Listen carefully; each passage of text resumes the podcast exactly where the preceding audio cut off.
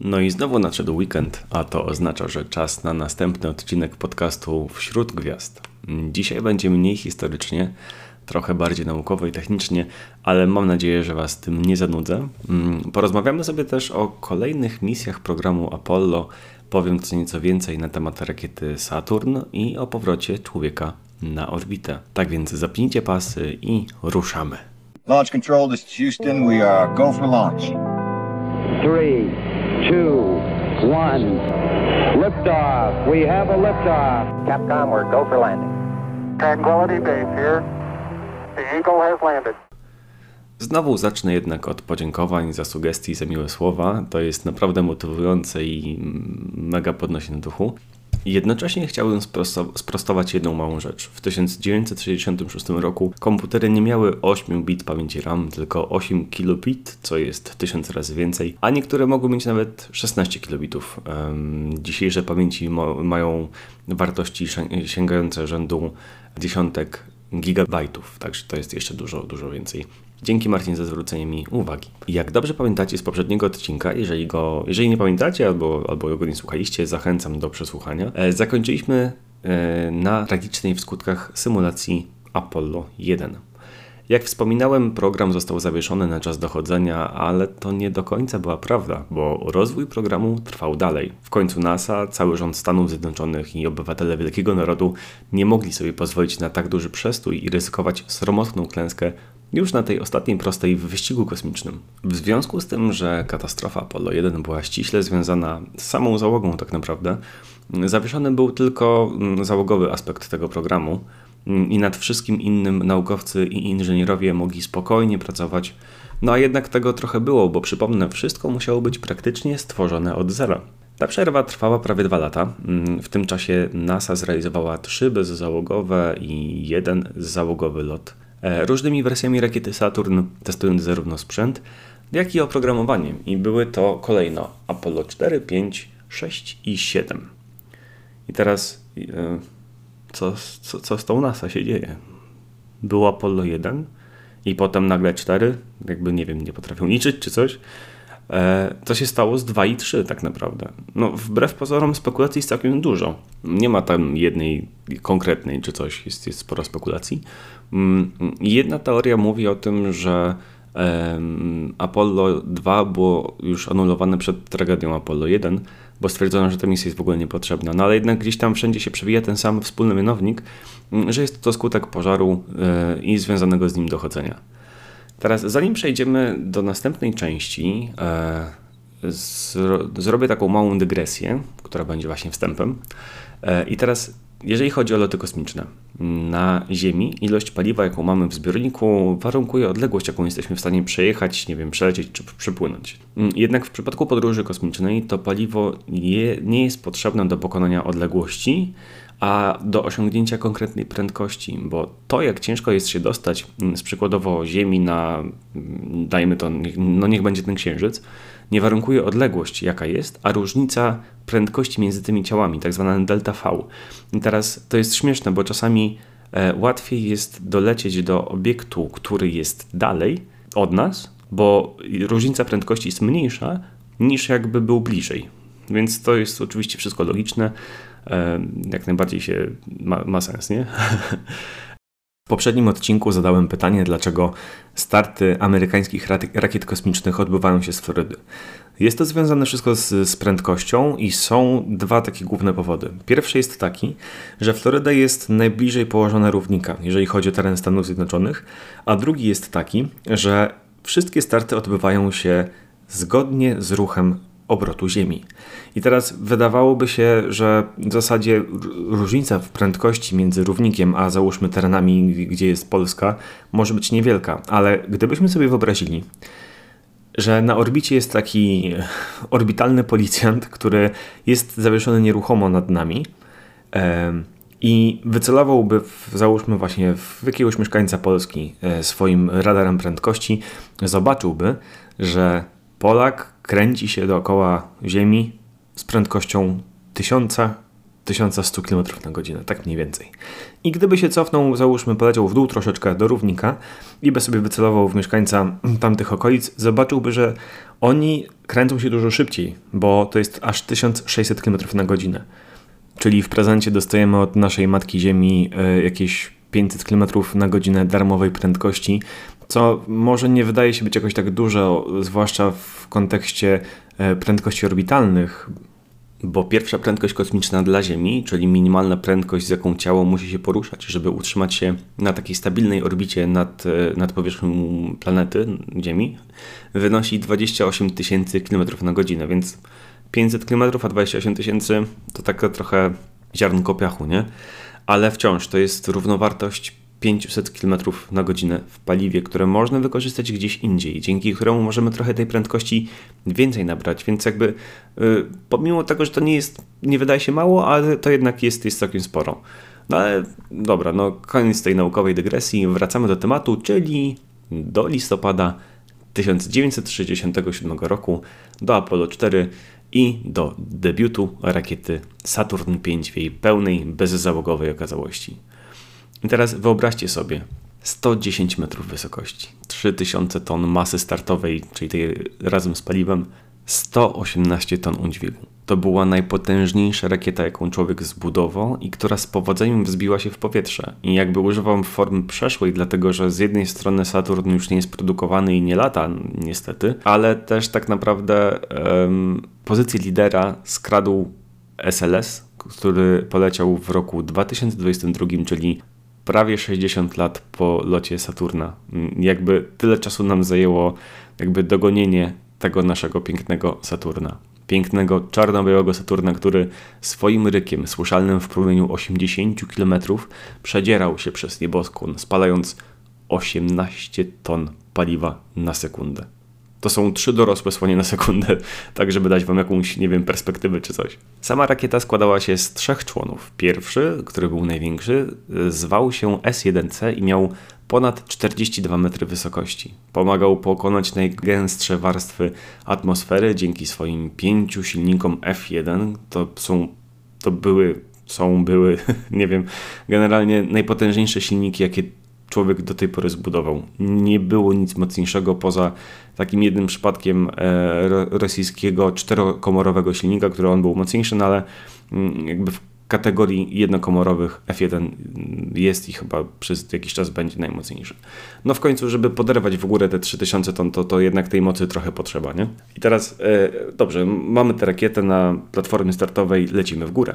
Lecimy w stronę gwiazd. Niecałe 3 minuty po starcie mamy wysokość niespełna 70 km i cały ten pierwszy segment wy, wykorzystał swoje paliwo w silnikach jest odrzucany za pomocą niewielkich ładunków wybuchowych i nasz kolega lotem parabolicznym spada sobie z powrotem na Ziemię. I to jest drugi powód startów z Florydy. Tak jak powiedziałem wcześniej, loty kosmiczne odbywają się z zachodu na wschód, zgodnie z ruchem obrotowym Ziemi. I teraz, kiedy startujemy z Florydy, na trasie rakiety przez długi czas jest nic więcej, tylko woda. Więc w momencie, kiedy następuje separacja członów, czy, czy nastąpi mm, tak zwana gwałtowna, nieplanowana dezintegracja statku, czyli po prostu statek wybuchnie tak naprawdę, szansa na to, że odłamek spadnie gdzieś na jakiegoś człowieka jest, jest bardzo niewielka, w zasadzie blisko zeru. A co innego jest w przypadku rosyjskiej rakiety Sojus, która startując z Kazachstanu, z e, kosmodromu Bajkonur, zdarza się, że jakiś element spadnie gdzieś w Chinach czy Mongolii i chyba też kiedyś spadło coś na Japonię, ale nie byłem w stanie za bardzo tych informacji znaleźć, więc może mi się po prostu źle kojarzy. No ale okej, okay, dobra, Saturn i jego lot. Jesteśmy teraz dużo wyżej, 70 km nad, e, nad, nad, nad Ziemią, 7 e, razy wyżej niż latają samoloty. I atmosfera jest znacznie rzadsza. No i też masa naszej rakiety jest dużo niższa, no bo pozbyliśmy się połowę tego, co mieliśmy prawie, nie? Więc możemy trochę spuścić stonu, trochę tak wrzucić na luz i wchodzi do gry człon S2, który będzie pokonywał ziemską grawitację. E, człon też ma 5 silników, e, jednak są one nieco słabsze i bardziej dostosowane do lotu w warunkach rzadszego powietrza. I teraz e, dlaczego w ogóle trzeba dostosowywać silnik? Tak? No, my nie musimy dostosowywać silnika naszego w samochodzie, jak jedziemy sobie po nad morzem, a w górach ale niestety w silnikach rakietowych potrzebna jest taka lekka modyfikacja ze wzrostem wysokości, na jakiej latamy. Na Ziemi, e, na samym początku lotu, gdzie ta atmosfera jest taka bardzo gęsta, ciśnienie otaczające dysze silnika powoduje to, że ścisk, ściska jakby te gazy wylotowe i dzięki temu zdecydowana większość tego, co wylatuje z silnika, leci w przeciwną stronę od kierunku, w którym leci rakieta, tak? Czyli ta wydajność e, silnika jest dużo wyższa. Im, jest, im jesteśmy wyżej, e, ciśnienie jest niższe i te gazy bardziej jakby wylatują na boki i sama wydajność silnika jest znacznie niższa w tym momencie. I można temu zapobiec poprzez, poprzez używanie e, dyszy o takim wydłużonym profilu, mm, trochę dłuższe właśnie, które w tym pierwszym momencie po spaleniu paliwa nadają tym gazom taki właśnie kształt, taki kierunek, e, żeby chociażby na tym samym początku trochę bardziej leciały w tą stronę, w którą chcemy, a nie żeby się rozpraszały na boki. Także to jest koniec e, tej naukowej dygresji, znowu, przepraszam. Wracamy do członu S2. Ten człon jest zdecydowanie mniejszy od tego swojego poprzednika, bo ma niecałe 25 metrów wysokości. I w momencie, kiedy lecimy sobie w górę, e, on pracuje około 6 minut, wynosząc statek na trajektorię suborbitalną. Czyli przypomnę, e, suborbitalna to nie jest zamknięta tak naprawdę, czyli w pewnym momencie statek spadłby na ziemię, gdyby nie użył silników. Dopiero po podłączeniu drugiego stopnia i chwilowej pracy ostatniego członu osiągamy stabilną orbitę dookoła Ziemi. I ten ostatni człon to jest S4B, który napędzany jest pojedynczym silnikiem J2, czyli tym samym, który był w poprzednim członie, ale zamiast 5 jest jeden. I teraz słuchajcie, po niecałych 10 minutach mamy prędkość około 28 tysięcy km na godzinę. Straciliśmy w zasadzie 2 trzecie naszej rakiety i dopiero, dopiero osiągnęliśmy tę orbitę, nie? E, I teraz jak myślicie, jak bardzo schudł nasz statek Saturn podczas tej podróży? Z poziomu Ziemi na 200 km nad Ziemią. No, generalnie w cholerę tak naprawdę. Mm, przypomnę, masa startowa wynosiła prawie 3000 ton. A masa umieszczona na orbicie? Werble?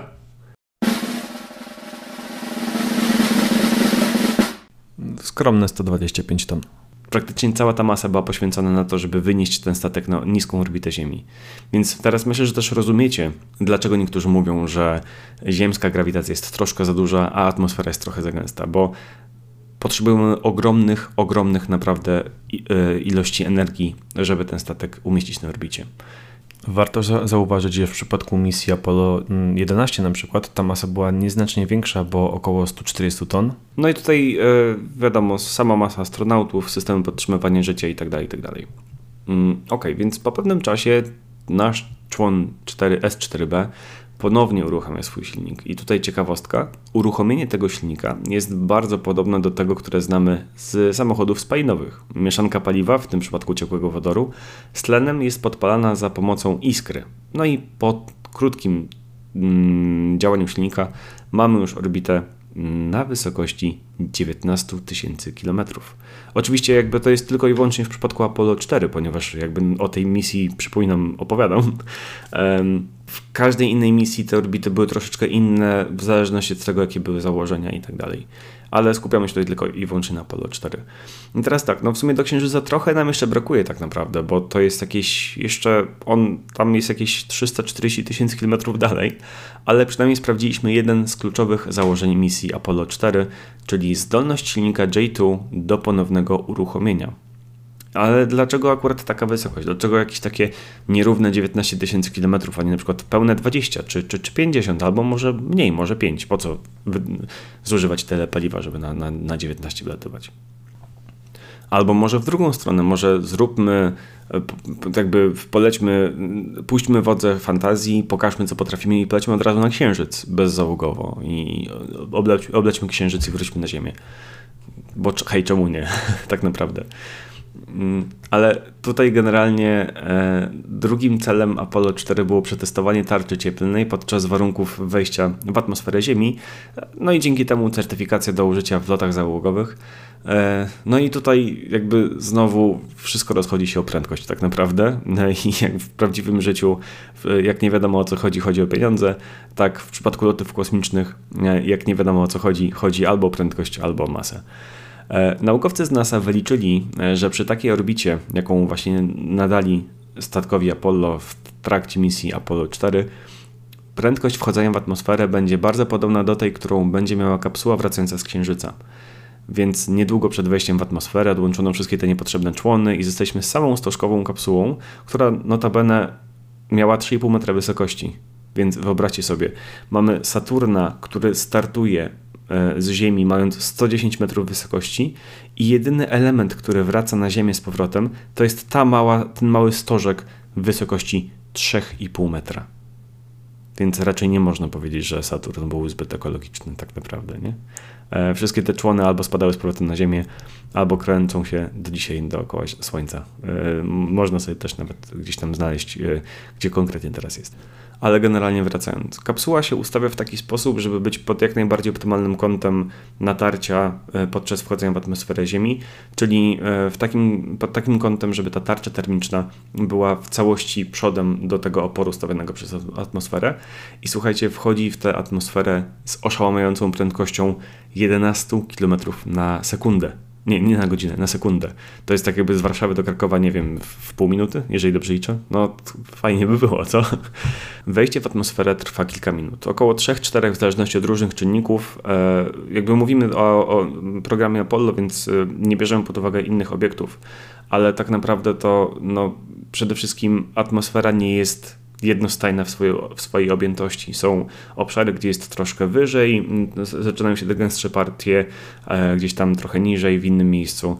No i też żaden manewr nie jest wykonywany idealnie, tak naprawdę. Pomimo tego, że one są zautomatyzowane w większości, to zawsze gdzieś tam jest jakiś tam margines błędu, tak naprawdę, tak? E, troszkę inny kąt, trochę inna prędkość. I to już ma duży wpływ na, na czas trwania tego wejścia. I teraz w tym czasie e, statek wytraca jakieś 90% swojej prędkości. Czyli to jest ogromna różnica energii, która gdzieś musi pójść tak naprawdę, bo w przyrodzie nic nie ginie i teraz cała ta różnica energii musi być gdzieś odprowadzona. I w tym przypadku jest to, e, to odprowadzenie energii jest w postaci ciepła. I dlatego właśnie potrzebna jest ta tarcza termiczna. Mm, podczas wchodzenia w atmosferę osiągała ona temperaturę prawie 3000 stopni Celsjusza, i jasne, no, gdyby tej tarczy nie było, to, to kapsuła by nie przetrwała i można by było sobie zadać pytanie, dlaczego w takim razie nie zrobić całej kapsuły z materiałów, z których y, była zbudowana ta tarcza. No generalnie no nie chodzi tutaj o prędkość, chodzi tutaj o ciężar teraz, tak? E, łatwiej jest zrobić taki zwykły dysk, znaczy no niezwykły, no bo bardzo odporny na temperaturę, ale dysk, który wytrzyma te temperatury, niż zrobić całą kapsułę, która po prostu była wtedy zbyt ciężka, żeby to się w ogóle opłacało. Mm, no ale kapsuła przetrwała to wejście w atmosferę szczęśliwie, czyli tarcza termiczna zdała swój test, jednocześnie zaliczając drugi z głównych celów misji Apollo. Dwa miesiące później, bo w styczniu 1968 roku, skrzydeł dostała misja Apollo 5 i była to misja, w której nie działo się zbyt wiele z perspektywy takiej powiedzmy wyjątkowości, ale była to misja bardzo ważna mm, dla samej misji już księżycowej faktycznie. Miała na celu przetestowanie tak zwanego LM e, w amerykańskiej nomenklaturze nasowskiej, że tak powiem, mówili na to LEM, czyli Lunar Module, e, moduł księżycowy, którym astronauci lądowali na księżycu i z niego wracali. No i testowano jego zachowanie w przestrzeni kosmicznej, a także prezentowali działanie silników wznoszenia i opadania, o czym powiem więcej już na temat tych silników i samego LEMu e, przy okazji Apollo 11. Z uwagi na profil misji, e, że to wszystko działo się na niskiej orbicie Ziemi, wykorzystywana była mniejsza wersja Saturna, mm, czyli tak zwany Saturn 1B. E, to była taka testowa rakieta, nie będziemy się nad nią w żaden sposób pochylać. I ten lot pozwolił na certyfikację modułów księżycowych na loty załogowe. Mm, więc jakby dlatego właśnie to było takie bardzo ważne z punktu widzenia programu Apollo. I misja Apollo 5 miała miejsce niespełna rok po tragicznym pożarze Apollo 1, więc no uwierzcie mi, że NASA miała ogromne, ogromne tempo w porównaniu do tego, jak, jak teraz wyglądają rzeczy w tej agencji. Z kolei ponad 3 miesiące później, bo w kwietniu 68 roku, czyli mam, został nam już tylko rok do lądowania na Księżycu, jeszcze nawet nie przetestowaliśmy ludzi na orbicie w naszym nowym statku, można było ponownie podziwiać pełnego Saturna 5 w locie przy okazji misji Apollo 6 i tutaj robi się troszeczkę ciekawiej. Ale zanim przejdę do szczegółu, czas na taką małą dygresję naukową związaną z orbitami. Jest coś takiego, co się nazywa orbita parkingowa, czyli e, rodzaj orbity, gdzie już e, jest statek na takiej stabilnej orbicie dookoła da- danego ciała niebieskiego i po prostu czeka tylko sobie na konkretny, wybrany moment, żeby zmienić tę orbitę do żądanego kształtu. I dlaczego to jest ważne w kontekście Apollo 6? No dlatego, że e, statek Apollo e, wykonywał tak zwany po osiągnięciu tej, tej orbity parkingowej miał wykonać tak zwany translunar injection, czyli manewr mający na celu osiągnięcie drugiej prędkości kosmicznej, inaczej mówiąc prędkość ucieczki. W tym konkretnym przypadku ucieczki z wpływu grawitacy- grawitacyjnego naszej planety matki i żeby dać się złapać w objęcia Księżyca. W tym celu statek trzeba było rozpędzić do zawrotnych 40 tysięcy km na godzinę, ponieważ taka jest druga prędkość kosmiczna naszej, naszej Ziemi. I Apollo 6 miał tę prędkość osiągnąć, a potem miała być jakaś tam symulacja awarii, że trzeba szybciutko zawijać z powrotem na Ziemię i to wszystko miało trwać 10 godzin. Także też dosyć krótko. Niestety Saturn pokazał, że inżynieria rakietowa jednak jest bardzo trudna. Silniki F1, czyli przypomnę silniki pierwszego stopnia, w nierówny sposób otrzymywały paliwo, wprawiając statek w drgania podłużne, wywołując tzw. efekt POGO. Zjawisko samo to w sobie jakoś tak niczym wyjątkowym nie jest i występuje zawsze w lotach e, rakietowych, ale biorąc pod uwagę masę rakiety, to te zaburzenia są tak, tak naprawdę niezauważalne. I żeby sobie jakby wyobrazić te, to zjawisko, można sobie skorzystać z takiej analogii. Wyobraźcie sobie, że prowadzicie samochód bez zapiętych pasów. Oczywiście nie róbcie tego, proszę, to jest tylko analogia i pamiętajcie, żeby zawsze te pasy mieć zapięte. Wasze ciało jest zupełnie nieruchome, jesteście skostniali, nie wiem, nie możecie się w ogóle, w ogóle ruszyć. I teraz macie nogę na gazie. Samochód przyspiesza, więc w wyniku tego przyspieszenia cofa was w fotelu i razem z tym ruchem zdejmujecie nogę z gazu, więc przestajecie tak bardzo przyspieszać. Mm, W wyniku zmniejszonego przyspieszenia znowu się przesuwacie do przodu, wciskając mocniej pedał gazu, ale zaczynacie mocniej przyspieszać, więc was cofa i tak w koło macie takie, takie huśtanie do przodu do tyłu. I na tym polega generalnie efekt POGO.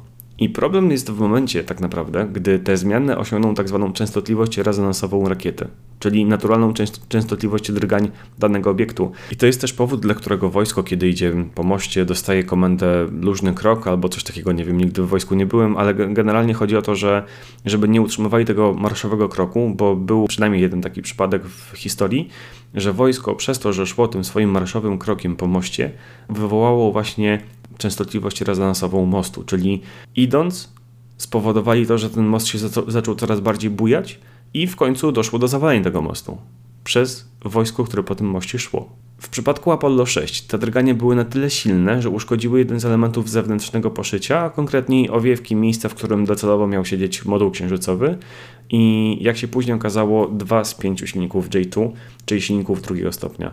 Mm, I y, dlaczego później się dopiero okazało? No dlatego, że cały pierwszy człon wykonał prawidłowo swoją robotę, odrzucił, y, rakieta odrzuciła ten człon, cała piątka silników J2 włączyła się bez żadnego problemu i dopiero po jakimś czasie dwa z tych silników przestały działać. E, Przez to, że te silniki przestały działać, te trzy pozostałe musiały pracować nieco, nieco dłużej, ale jednak nie były w stanie jakby nadrobić ty, tych strat wywołanych brakiem dwóch silników.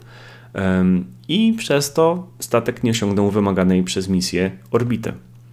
W tym miejscu NASA miała zagwozdkę tak naprawdę, bo no, nie, wie, nie wiedzieli za bardzo co zrobić tak naprawdę. No nie stwierdzą, że no ojejku, no peszek, wracamy do domu i srać na te wszystkie pieniądze, które wyrzuciliśmy w tę misję. Musieli coś przetestować. To jakby nie mógł być pusty przelot, no niestety.